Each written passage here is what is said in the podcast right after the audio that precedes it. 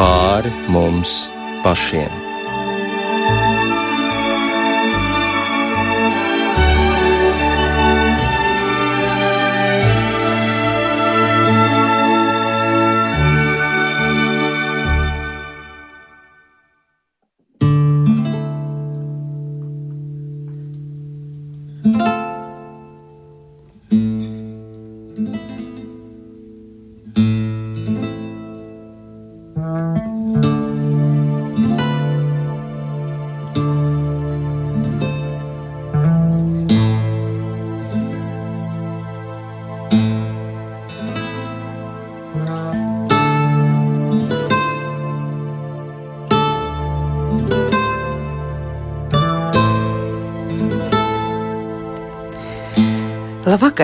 Studijā Rīta Bružēvica.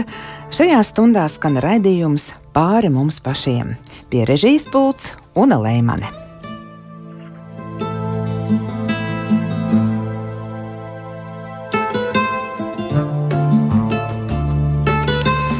Tuvojas baznīcas gada lielākais notikums - Kristus augšām celšanās svētki. Tie nāk ar atgādinājumu par Dieva mīlestību, kas ved mūs brīvībā kāda ir viņa mīlestība, kas izlieta arī mūsu sirdīs. Apostols Pāvils raksta: Mīlestība ir lēnprātīga, laipna, tā neskauž, mīlestība nelielās, tā nav uzpūtīga, tā neizturas netikli.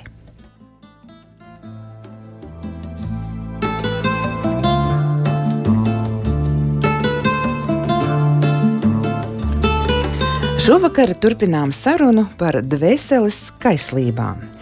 Viena no astoņām dvēseles kaislībām, jeb kaislēm, kā mēs iepriekšējā raidījumā e, lietojām šo terminu, ir netiklība.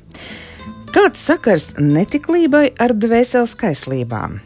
Ja dabiskās sajūtas sagādā prieku, kāpēc tām neļauties? Kas mūsdienās veido cilvēka vērtību sistēmu? Šos jautājumus uzdošu attālinātajam raidījuma viesim, Liepājas Svētās Annas evaņģeliski luteriskās draudzes mācītājam Jānim Bitānam. Labvakar, Jāni! Labvakar!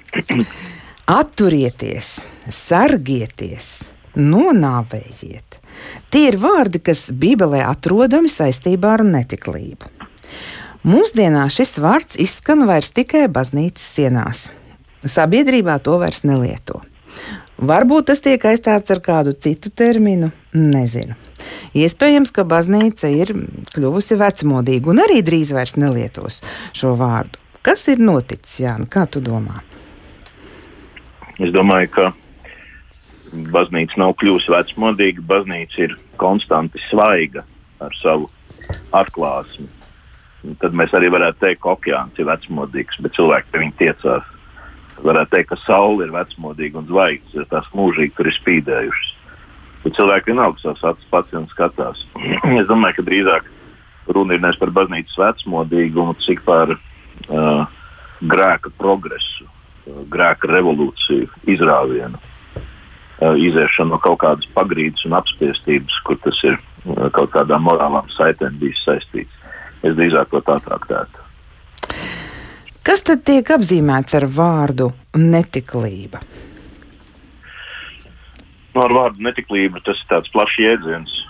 To var apzīmēt garīgu neusticību dievam.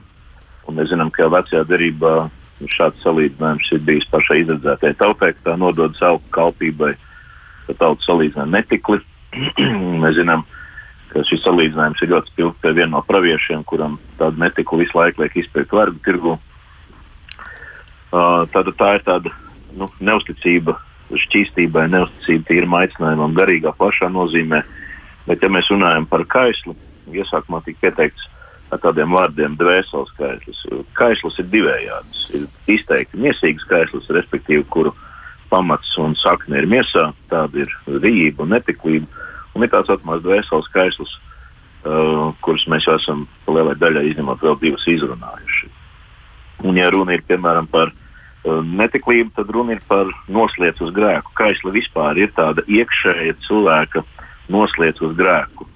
Kaislas sakne uh, tā tad radniecīgiem grēkiem, dažādām šo grēku izpausmēm, kaut kādai veselai grēku grupai, kuriem ir viena sakne, bet uh, viņi ir radniecīgi savā starpā šie grēki un viņi izpaužas dažādos veidos. Nu, mēdz izšķirt tādas divu veidu, uh, nu, mēdz tā saku, jo to, to nevar lietot universāli, bet dabisks uh, netiklības vai nešķīstības un nedabisks netiklības vai nešķīstības grēkus. Par dabiskiem uzskata tos, uh, nu, kuri ir dabiski ņemot vērā nu, dabu un ņemot vērā to, kā Dievs dabā ir iekārtojis, kā Dievs ir radījis. Viņš ir radījis vīrieti un sievieti, mēs to lasām pirmajā mūža grāmatā, un viņš ir ielicis starp viņiem šo pievilkšanos. Mēs zinām, ka tad, kad Ādams tiek radīts, un viņam Dievs dod uzdevumu nosaukt vārdā visu dzīvo radību, viņš neatrod sev neko līdzīgu, viņā dzimst ilgas. Nu, Mēdz sacīt, tā ir tāda dieva pedagoģija pie radīšanas. Kā Ādams ir piedzīvojis visu, ko nozīmē, ka Dievs dāvina, bet viņš vēl nav piedzīvojis visu to, ko nozīmē, ka Dievs atbild uz tām ilgām, kas viņai ir kumulējušās pašā, vērojot.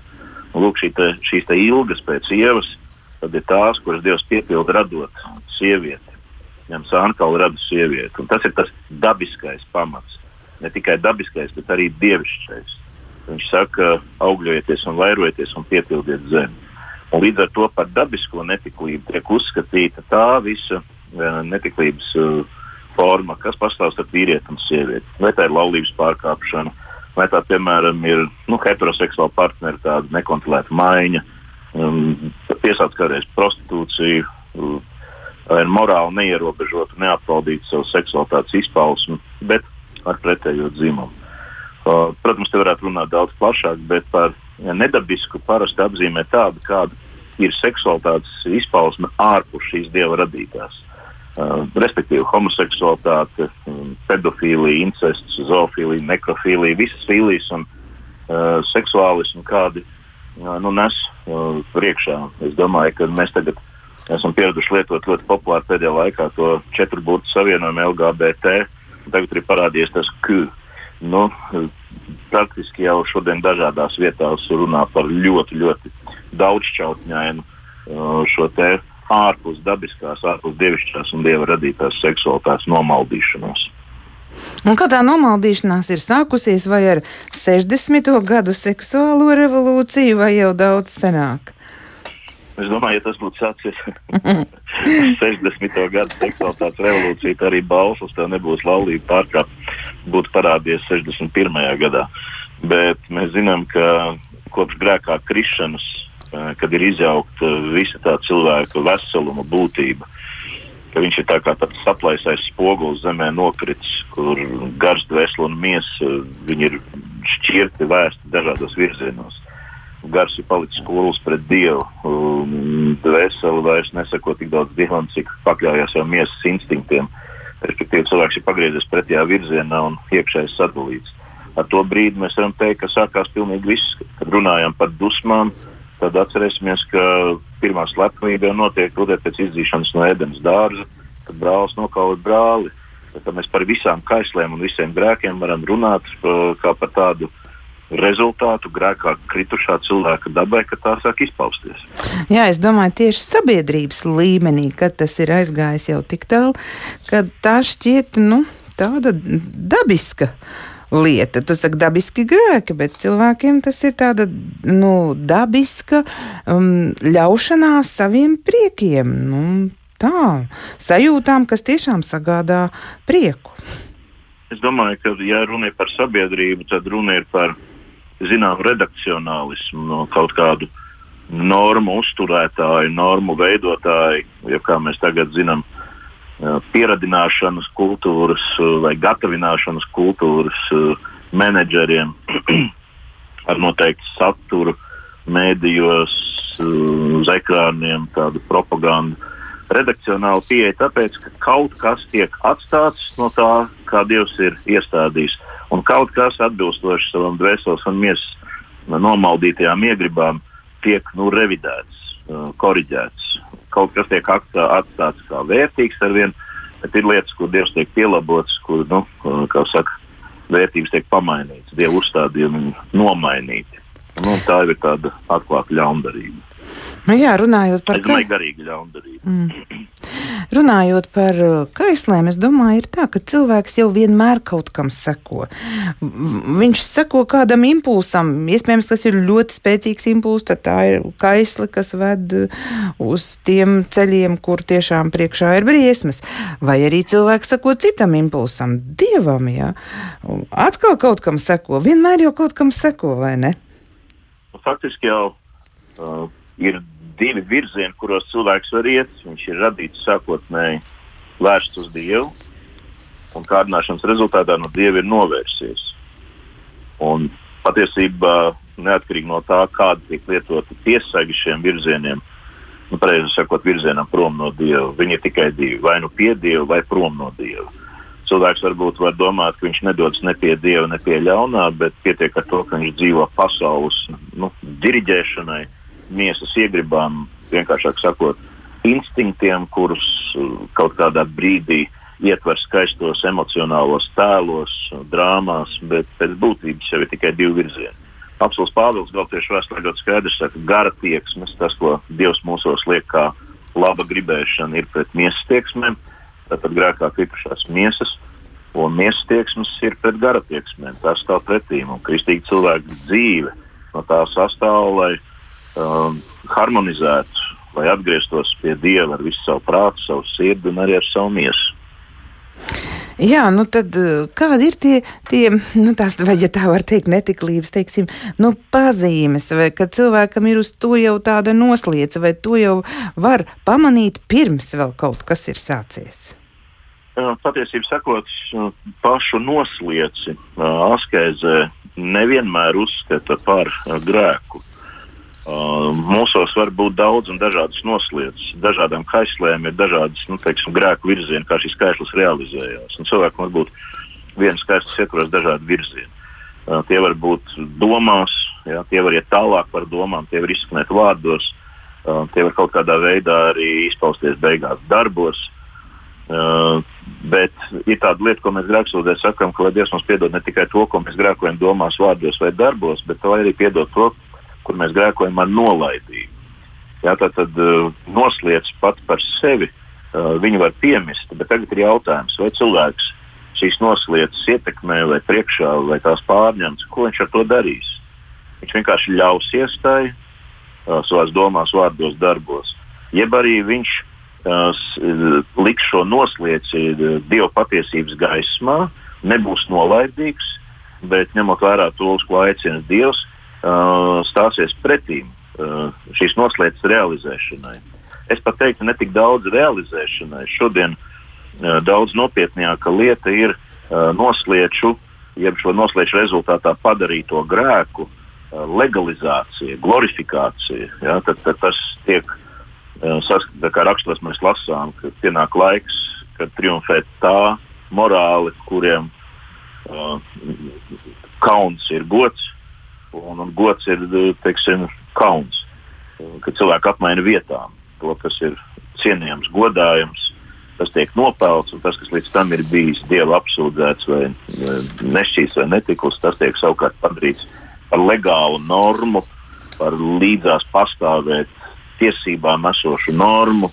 Un, nu, es domāju, ka mums tālu nav jāmeklē, ko nozīmē, teiksim, kad garīgās vērtībās uh, teiksim, fundamentālās vecās derības, jaunās derības morāles vērtībās, pilnīgi iztrūkstošas zināšanas, pat augstu intelektuālu tiesnesi var aizvest maldīgos lēmumus.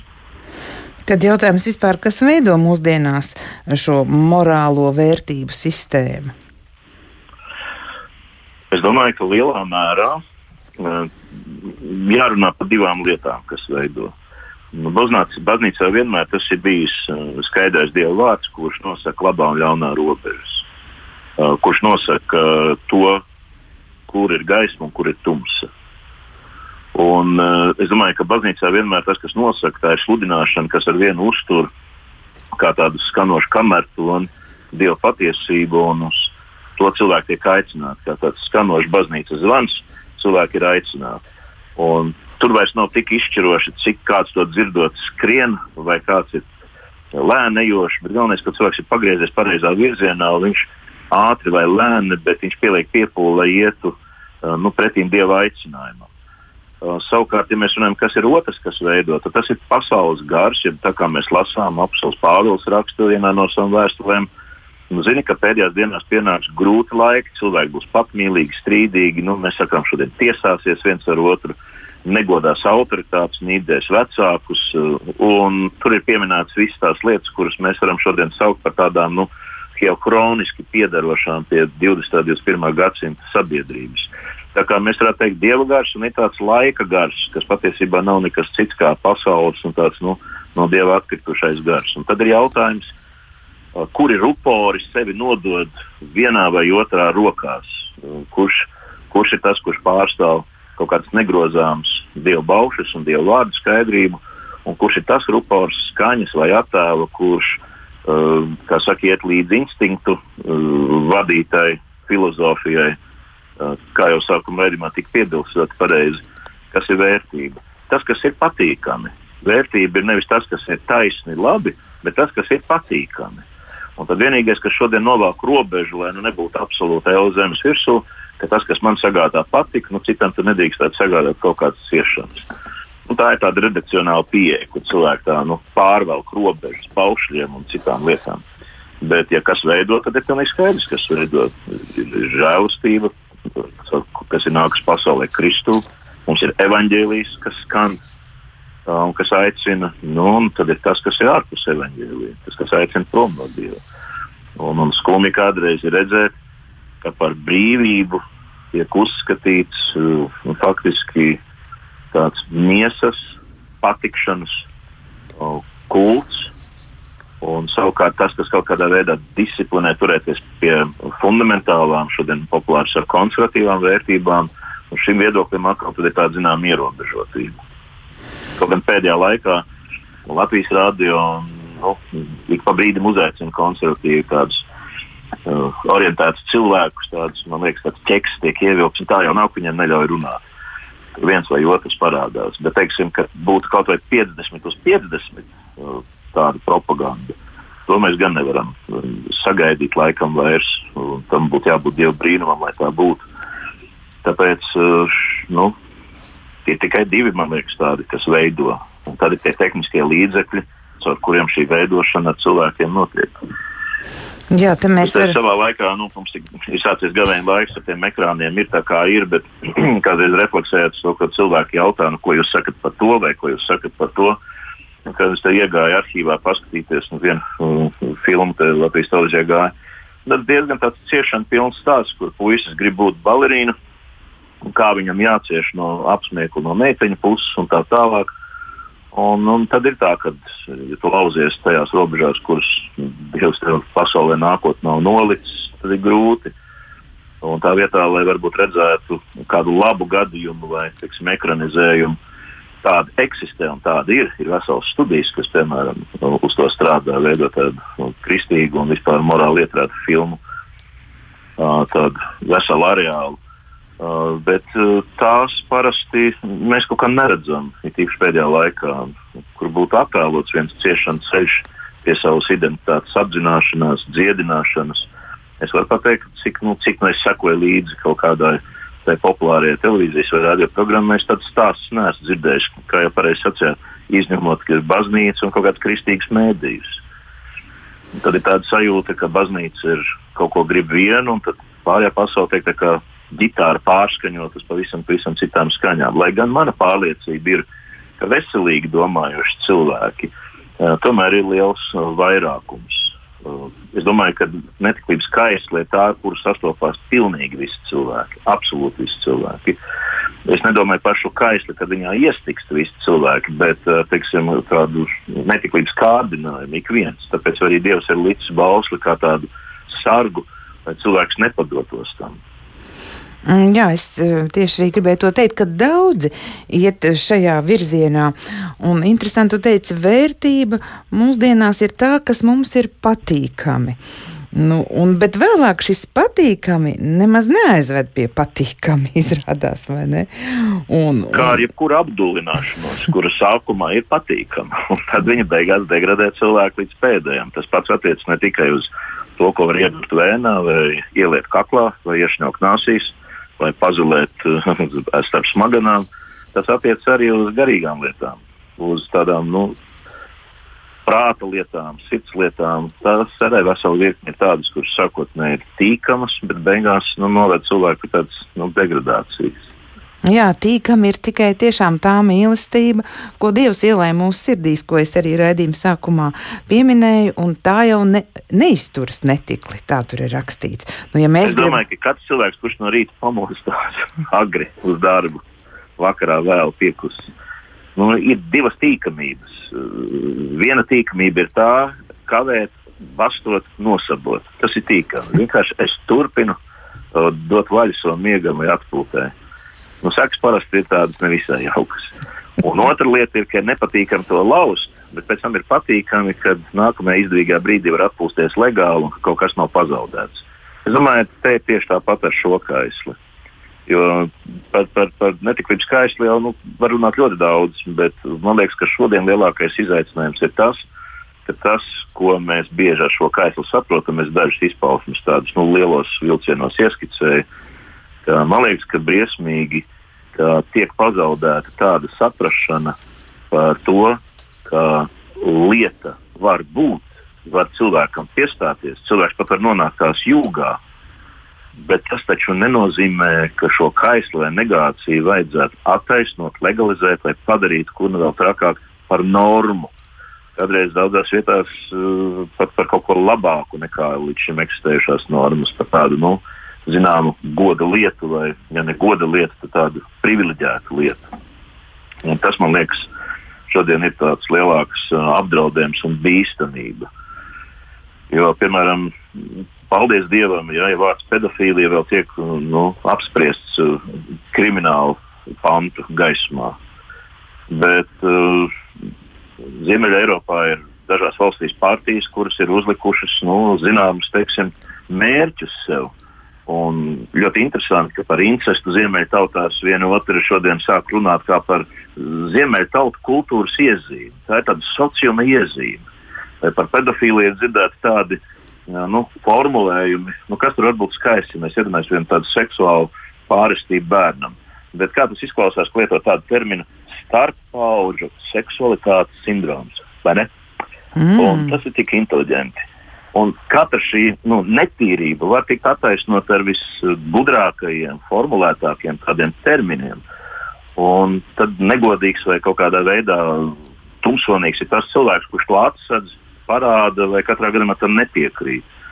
Un tad gandrīz vai veselīgi domājušam cilvēkam jāsāk uzmanīties, ka viņš neaizskata kādu nu, nešķīstu vai netiko, jo tad viņu var apsūdzēt naida runā vai kaut kādā diskriminācijā vai vēl kaut kur. Bet es domāju, ka šodien nu, ir tā, ka nav jākaunās teikt, ka akmenim ir divi virzieni pamat gaisā, vai nu uz augšu, vai uz leju. Un tad, kad teiksim, tas politkorektais līmenis ir tāds, ka visiem jāsāk ticēt, ka viņš arī karāties gaisā, tas jau sāk izskatīties pēc tādas apmācības kolektīvas. Jā, turpināsim sarunu pēc muzikālās pauzes tiešām šī vakara tematu varētu nosaukt, ka tas ir pret straumi peldētājs. Mēs runājam par dvēseles skaisli, kas izpaužas netiklībā. Skan raidījums pāri mums pašiem, un attālinātais raidījuma viesis ir Liepājas svētās Annas evaņģēliska luteriskās draudzes mācītājs Jānis Bitāns. Tu, Jāni, jau pieminējies par goda lietu. Ko tas nozīmē? Un glabāt miesu, tā ir Bībelē rakstīts, nu, attiekties tā pret savu ķermeni. Lai tas būtu godā likts, un arī pret laulību, jo arī svētos rakstos mēs lasām, ka laulība lai ir godā. Kā tad tas gods izpaužas? Es domāju, runa ir par tādu svētītu cilvēku miesu un glabāšanu, tas nozīmē to, ko mēs lasām eh, pirmajā vēstulē korintiešiem ja nemaldos, sastajā nodaļā tie vārdi sargieties no netiklības. Un tur ir tāds piemetnējums, ka katrs cits grēks, ko cilvēks dara, paliek ārpus miesas. Netiklības grēku dara tas, kurš to dara, nu, tas grēko pie sevis paša. Tad apelsīns Pāvils jautā, jeb vai jūs nezināt, ka jūsu miesa ir svētā gara mājoklis, kas ir jūsos, ko jūs esat saņēmuši no Dieva, un ka jūs nepiedarat sev pašiem. Jo jūs esat dārgi atpirkti, tad nu, pagodiniet Dievu ar savu miesu. Un tas nozīmē, ka cilvēks savu miesu tur godā, kā svētā gara mājokli. Uh, pirmkārt, viņš apzinās, kas ir grēks. Viņš zina to. Uh, ja viņš krīt vai klūp, viņš zina, ka no šī grēka ir jāceļās, tas ir jānožēlo un jālabo. No tā ir jāatgriežas. Arī atgriešanās no grēka, netiklības grēka ir savas miesas turēšana godā un cieņā. Uh, jo grēks, šis ir viens no izplatītākajiem grēkiem, kas tur var skart pat vai jebkuru cilvēku. Un, um, mēs jau ne, netiekam nu, aicināti būt perfekti, jo mēs tādi nevaram būt. Bet mēs esam aicināti atgriezties un uh, dieva žēlastībā pārdzimt, mainīties. Ja runa ir par laulību, tur ir apelsīns Pāvils ar laulības gūtu, lai tas svēts. Tas nozīmē, ka visi sievai savstarpēji mīlestībā viens otram ir uzticīgi, nekrāpj. Tas nozīmē gan fizisku uzticību, gan arī emocionālu uzticību. Tās ir tādas, manuprāt, līdz šim, nu, vismaz līdz 20. gadsimta otrajai pusē, ļoti mm, salīdzinoši labi saprotamas, pat pašsaprotamas uh, lietas. Uh, un, uh, tas ir tas, ko es sauktu par tādu nu, godā turēšanu. Un, kā jau mēs sākumā runājam, tas, kas stāv ārpus tā, kā Dieva kārtība nosaka. Jo es domāju par vēl vienu lietu, ko nozīmē gods. Mm, piemēram, ļoti bieži mūsu sabiedrībā jau tiek par attiecībām, kā par tādu nu, subjektu, jau tiek runāts daudz, kādām ir jābūt attiecībām, par dažādām krīzēm, attiecībās, par attiecību uzlabošanu, par attiecību noturību. Un tā tālāk. Tā tālāk. Bet, ja, piemēram, runā tieši par tādu šķīstību, tad cik daudz par attiecībām, piemēram, starp vīrieti un sievieti, vai es pat sāku vēl agrāk, starp puisi un meiteni, starp diviem jauniešiem, tiek runāts sadarināšanās kontekstā. Jo sadarināšanās tā ir tāda goda lieta. Divi cilvēki, kas atklāja jūtas viens pret otru, viņi pārstāja kaut kādā veidā flirtēt vai meklē draudzību kaut kur citur, bet viņi vēl nebūdami laulāti, tādu uzticību viens otru priekšā sāk uzturēt, kāda tā būtu laulībā. Un tad no sadarbināšanās brīža līdz laulības kārtai tas ir ārkārtīgi svētīgs un labs laiks, ka cilvēki ļoti daudz ko var noskaidrot, cik noturīga būs tā laulība. Jo tad, kad ir tāda sadarbināšanās solījumi, tad jau pie pirmās solījuma pārbaudas ļoti daudz kas parādās, kas varētu pēc tam parādīties arī laulībā, kā tādas risināmas vai pieslīpēšanās lietas.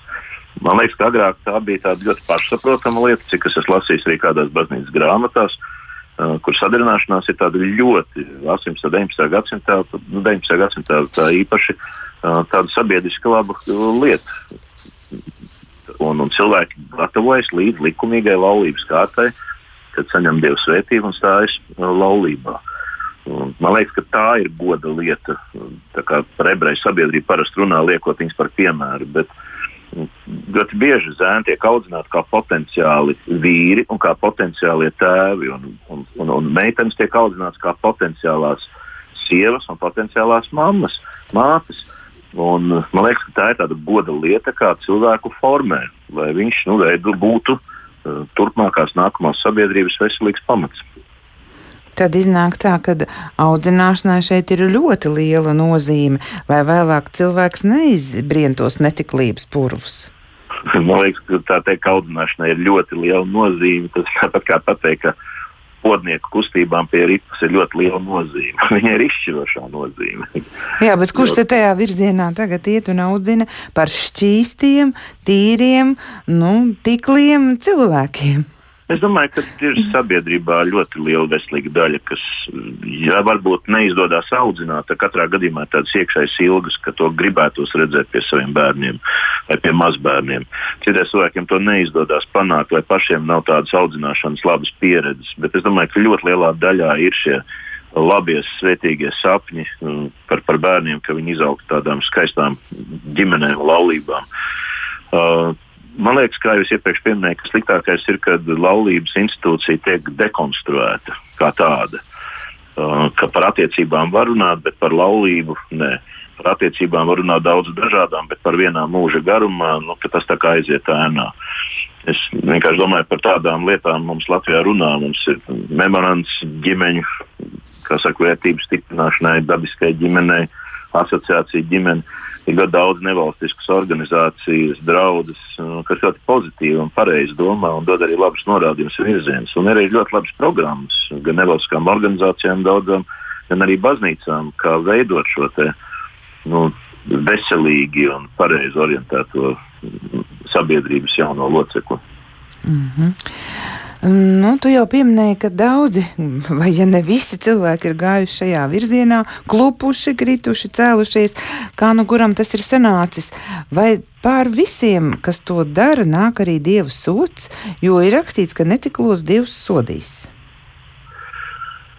Uh, jā, mēs lasām rakstos, ļoti skaidri, ka netiklība iet zem liela Dieva soda Tā tiek pieminēta kopā ar elku kalpību, slepkavībām. Bet te vajadzētu nošķirt divas lietas. Kristus jau nav nācis aicināt veselos, viņš ir nācis pie slimiem, viņš ir nācis dziedināt.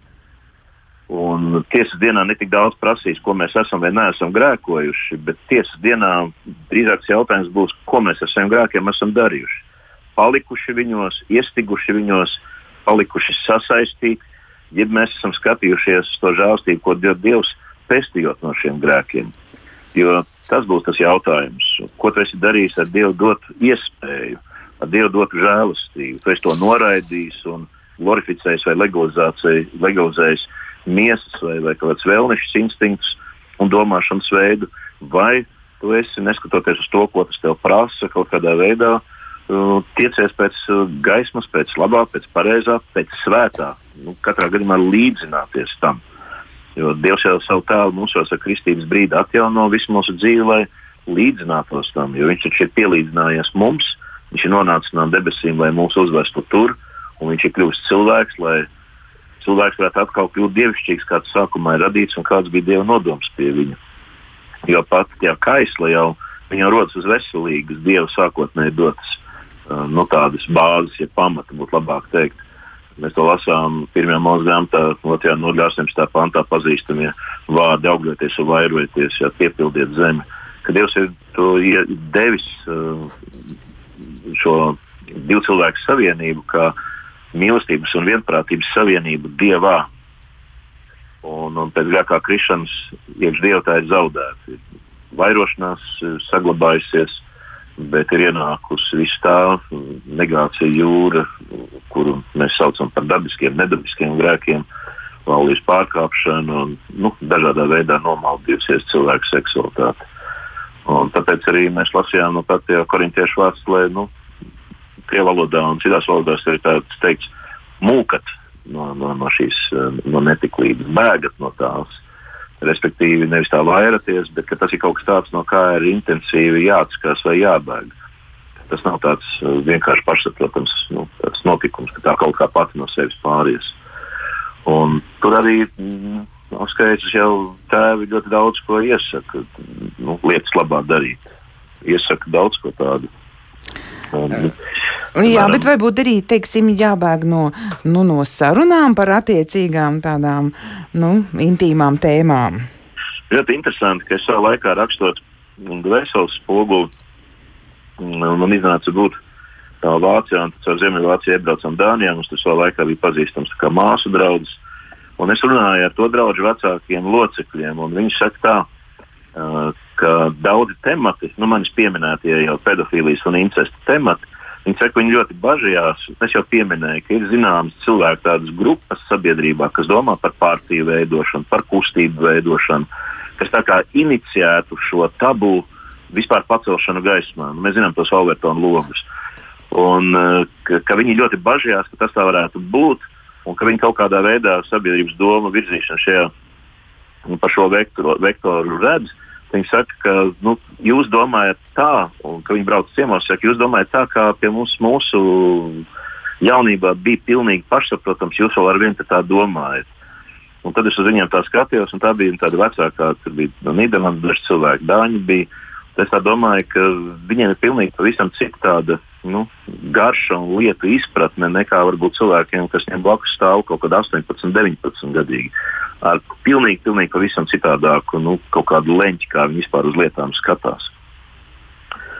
Uh, nu, par to vai runas. Mm -hmm. nu, kāpēc es pieminu tos vecākos? Tāpēc, ka bija laiks, kad, piemēram, gatavojot vēstures spoguli, es lasīju tādus vecākus nu, paraugus. Nu, piemēram, vecākajos paraugos ir uh, netiklu runu vai netiklu grāmatu lasīšana. Nu, tāda lieta kā, teiksim, kompjuters vai televīzija neeksistē. Un tad cilvēki faktiski uh, kaut kādu tādu netiklības virzienā uh, uzkurinoša informācija sen no tā, ko lasīt vai ko pārunāt. Šodien, protams, dvēseles spogulis tiek papildināts ar daudz ko. Tās nav tikai kaut kādas runas, tā ir skatīšanās, tā ir klausīšanās. Uh, Askais tēvs saka, turpat vai viss mūsu maņas var pakalpot kā tādi logi impulsam uh, nu, šīs kaislas vai netiklības grēku virzienā. Mm, jā, ir svarīgi tos logus ieraudzīt, pa kuriem tad var ienākt. Nu, tas nevēlamais. Nu, sarunas viena lieta, jā, ko visi kā viens tēvs saka, nu, sarunas, uh, apstākļi uh, vai kaut kādi pamudinājumi vai kairinājumi, situācijas, ka cilvēkam ir jāmāk saredzēt un saulēcīgi izvairīties no tā, kas viņu kaut kādā saltkaislē varētu ievilkt. Jo cilvēks ir cilvēks, un ja viņš tur uh, radīts, spējīgs just, redzēt. Tad, protams, ka kaut kādā brīdī, kad kājas ir pārņēmusi, tad faktiski jau viņš nu, tikai realizē to, kāds viņš ir radīts ar savām jūtām, instinktiem. Un tāpēc Askais tēvs runā par tādu ļoti saulēcīgu novēršanos no šiem avotiem un kairinājumiem, kas to rada domās. Ja, pārtraukt iztēli, pārtraukt sarunu, pārtraukt skatīšanos, novērsties. Nevis to, ka mēs neesam spējīgi redzēt kaut ko tādu, bet ko mēs darām ar to. Vai mēs plūstam kaut kādā virzienā, vai mēs spējam stāvēt pretī. Vēl maza muzikāla pauzīte, un tad jau mūsu saruna tuvosies nobeigumam.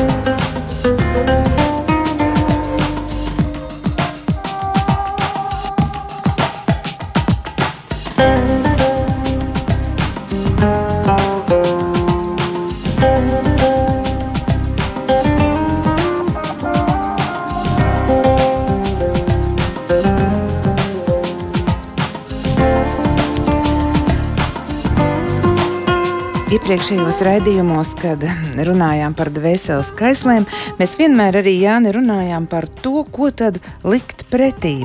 Un tiešām runājot par netiklību, ir svarīgi arī runāt par vērtībām, ko liekam savas un savu bērnu dzīves pamatā. Jā, nu, dažās minūtēs jau tādu lielu pretsvaru neizdarīt. Mums vēl ir desmit minūtes. kā šķīs, nu, tas, teiksim, kā tikums pretēji šai kaislē tiek pieminēta šķīstība. Un mēs jau mazliet to ieskicējām. Tā ir runas tīrība, jā, tā ir vairīšanās no jā, tādiem divdomīgiem un seksuāli orientētiem tekstiem. Un es kādreiz tā ka mašīnā brauc, klausos kādas raidījumus, un tad tur ik pa vidam kādreiz nāk tādas reklāmas. Kaut kad, kad laika atpakaļ bija viena tāda reklāma uh, par kaut kādiem izdevīgākiem telefonu tarifiem vai vēl kaut kādām lietām, un tad tādu, tādu balsi varēsi pazvanīt kaimiņienei. Tad, vai, nu, kāpēc, teiksim, kaut kādas vienkāršas lietas vajag tik ļoti seksualizēt? Mašīnu pārdot ar kādu puskālu sievieti blakus noteikti afišā. Tā ir tāda caurmēra parādība. Un, teiksim, vārdos, domās, teiksim, apģērbā, ja, ka cilvēks, kurš ir tādā veselīgā seksualitātē, nu, viņš neģērbsies un neizturēsies seksuāli izaicinoši. Man liekas, ka maza meitenīte ģērb ļoti skaisti, kā maza mīļa tādu bērniņu. Tas ir ārkārtīgi labi iepratīt vienam konkursam, kur tādu 5, 6 gadus vecu bērnu nu, ir maksimāli līdzīga tādai seksuāli izaicinošai skatuves zvaigznei. Tā kā vārdi, domas, izskats un arī tāda vērtību meklēšana, kas ceļ vīriešu, sievietes, laulības, ģimenes godu. Uh, Latvijā ir tāda organizācija jauniešiem ar ļoti labu mērķi. Es pēdējā laikā viņam sekojis, uh, ko viņi dara un kā viņiem veicās, bet īsta mīlestība gaida. Tad jauniešu orientācija sevi saglabāt šķīstas un tīras līdz laulībai. Kad mēs ienākam šajā pasaulē, mums faktiski bez tādas miesas uh, nu, nevainības nekā nav, ar ko mēs esam piedzimuši. Tas vienīgais, ko mēs varam atdot otram cilvēkam, pilnīgi no sevis. Un, ja tas ir kaut kā iztērēts eksperimentos vai kaut kādās apliecināšanās, nu, tas ir tāds postīts, un tad ir vajadzīgs tāds atlapšanas ceļš. Eh, baznīcas tēvi jau ļoti skaisti runā par, par, par, par labām cīņām, kā to nu, cīnīties. Svētais Jānis Pakāpnieks var daudz raksta, jo mūku kārtā tas ir sevišķi tāds varbūt aicin, nu, izaicinājums cīņa ar netiklām domām vai, vai, vai, vai kādreiz tīšā, tiešā veidā vēlešķiem pamudinājumiem. Ja, piemēram, ir tāda svarīga atziņa, ja kāds ir uzvarējis šo kaislu, tāds, lai neiedomājas to pierakstīt sev, ka tas būtu viņa nopelns. Jo faktiski tā nav tā kaisla, kā tāpat kā neviena, kur cilvēks var kaut kādā savā spēkā vai aktivitātē pieveikt. Vienmēr cilvēkam ir jāpat tāda pazemība, ka tā ir no dieva žēlastības mantota. Ja lūkšanas spēkā aizdzen kaislību dēmonu, mēs esam cīnījušies ar pretinieku, kam ir lausa spēks. Tā ir nu, viens no viņiem, saka, un to padzinuši kad pretodamies uzvaru kārdināšanas tieši šajā sfērā, tas ir licis bēgt. Tas ir sasniedzis brīvības stāvokli no šāda veida kārdināšanām. Tas, lai gan vēl atrodas miesā, ir jau kā augšām cēlēs no miroņiem, un tādu nav daudz. Un tad ir arī dažas tādas labas norādes, ko liek pretī cilvēki ļoti bieži cieši īpaši jaunībām, pie hormonu vētrām. Tas padoms, kas ar smagu fizisku darbu un gavēšanu cīnās pret šo neganto pretinieku, tas līdzinās cilvēkam, kas savu ienaidnieku saistījis ar virvēm, kas cīnās pret savu ienaidnieku ar apturības un modrības līdzekļiem. Savu ienaidnieku ir iekauts dzelžos, kas cīņā iedzēt apbruņojies ar pazemību, lēnprātību un garīgām slāpēm pēc dieva pilnības. Tas savu ienaidnieku jau ir nokāvis un noracis smiltīs. Un tāpēc te, būtu atsevišķi šādiem asketiskiem vingrinājumiem, kādas tēvi ir likuši un mācījuši cilvēkiem likt pretīm šīs, šīm kaislēm. Bet tāda ir. Un es domāju, ja mēs meklējam, ko mēs labi varam likt pretī, tad mēs varam meklēt, un tāda literatūra baznīcā ir atrodama, arī ārpus baznīcas viņa tiek izplatīta. Kā turēt sevi šķīstībā, kā turēt sevi tīrībā. Uh, es biju savā laikā aizgājis mammai un tētim līdzi. Mūsu brāli paņēma līdzi, lai nebūtu viena jāatstāj uz indiešu kino. Tur ik pa brīdim bez tām dziedāšanām bija tādas galveno varoņu sakļaušanās, ūdenim pāri līstot skustīšanās, tas vienmēr atceros, ka mums teica, tagad acis uz leju. Un, un, un es neredzu, ka tajā būtu bijis kaut kas ļauns. Man ir divi dēli, un es neesmu palicis tumsonis šajos jautājumos. Bet man liekas, ka tāda zināma svētīga biklība un kautrīgums, tas ir kaut kas, kas ir ļoti, ļoti jātur cieņā un godā. Un viņš dabiskā veidā piemīt cilvēkiem, kamēr to uh, neizklīdina ar dažādu veidu bezkompleksainībām. Tā ir ļoti veselīga dvēseles pazīme. Bet ko darīt, ja tā kaista jau ir pārņēmusi, un tu pieminēji cīņu? Nu, cīņa ir, lai, lai nesāktos tas ugunsgrēks, bet ja tas ir sācies, nu ko tad? Tad, tad jau man liekas, tāpat šķiet... kā ar jebkuru dvēseles kaisli ievainojumiem, cilvēks dodas pie tā, kurš var dziedināt. Mēs meklējam baznīcā Kristu, mūsu dvēseli un miesu ārstu.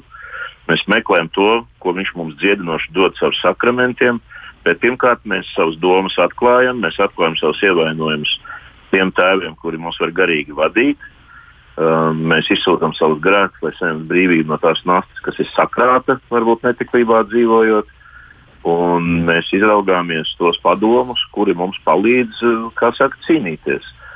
Jo pat ja cilvēks to neuzveic uzreiz, Tas svarīgākais ir tas, ka viņš ir nostājies saka, gaismas pusē.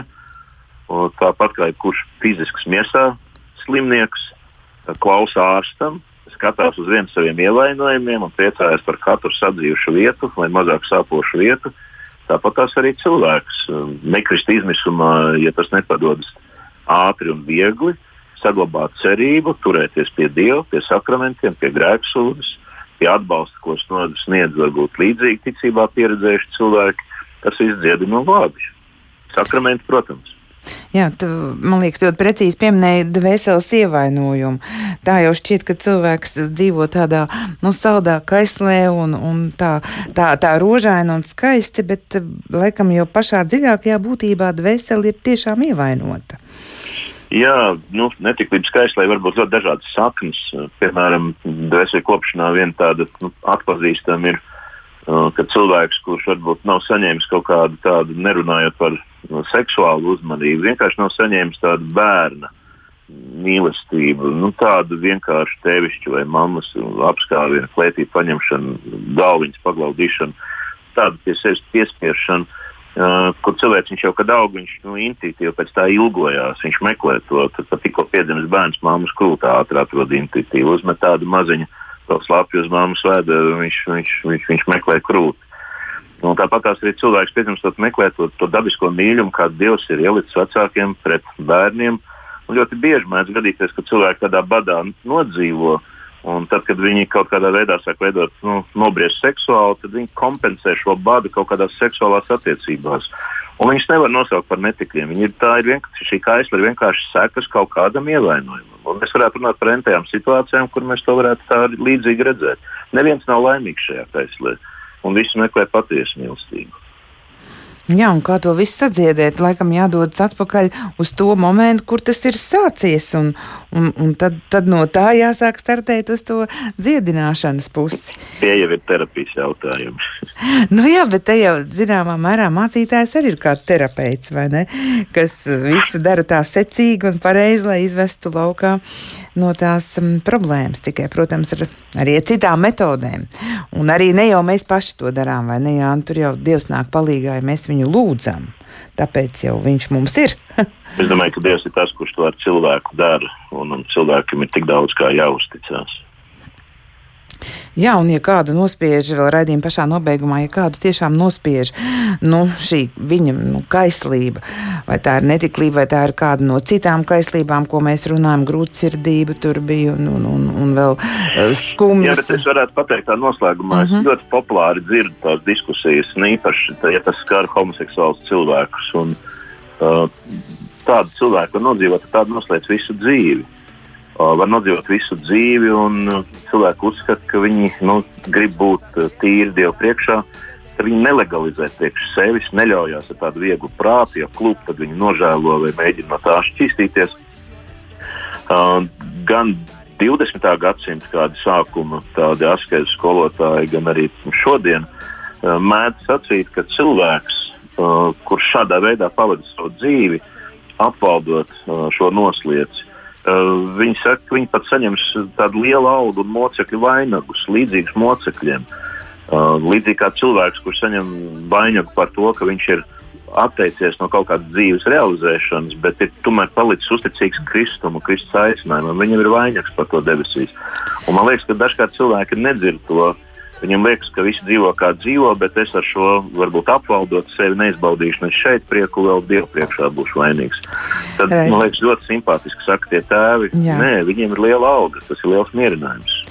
Paldies! Liels paldies! Šovakar redzījumā piedalījās Liepājas Svētās Annas evaņģeliski luteriskās draudzes mācītājs Jānis Bitāns. Par raidījumu labskaņu rūpējās Una Leimane un to šovakar vadīja Rinte Bružēvica. Ar labvakar!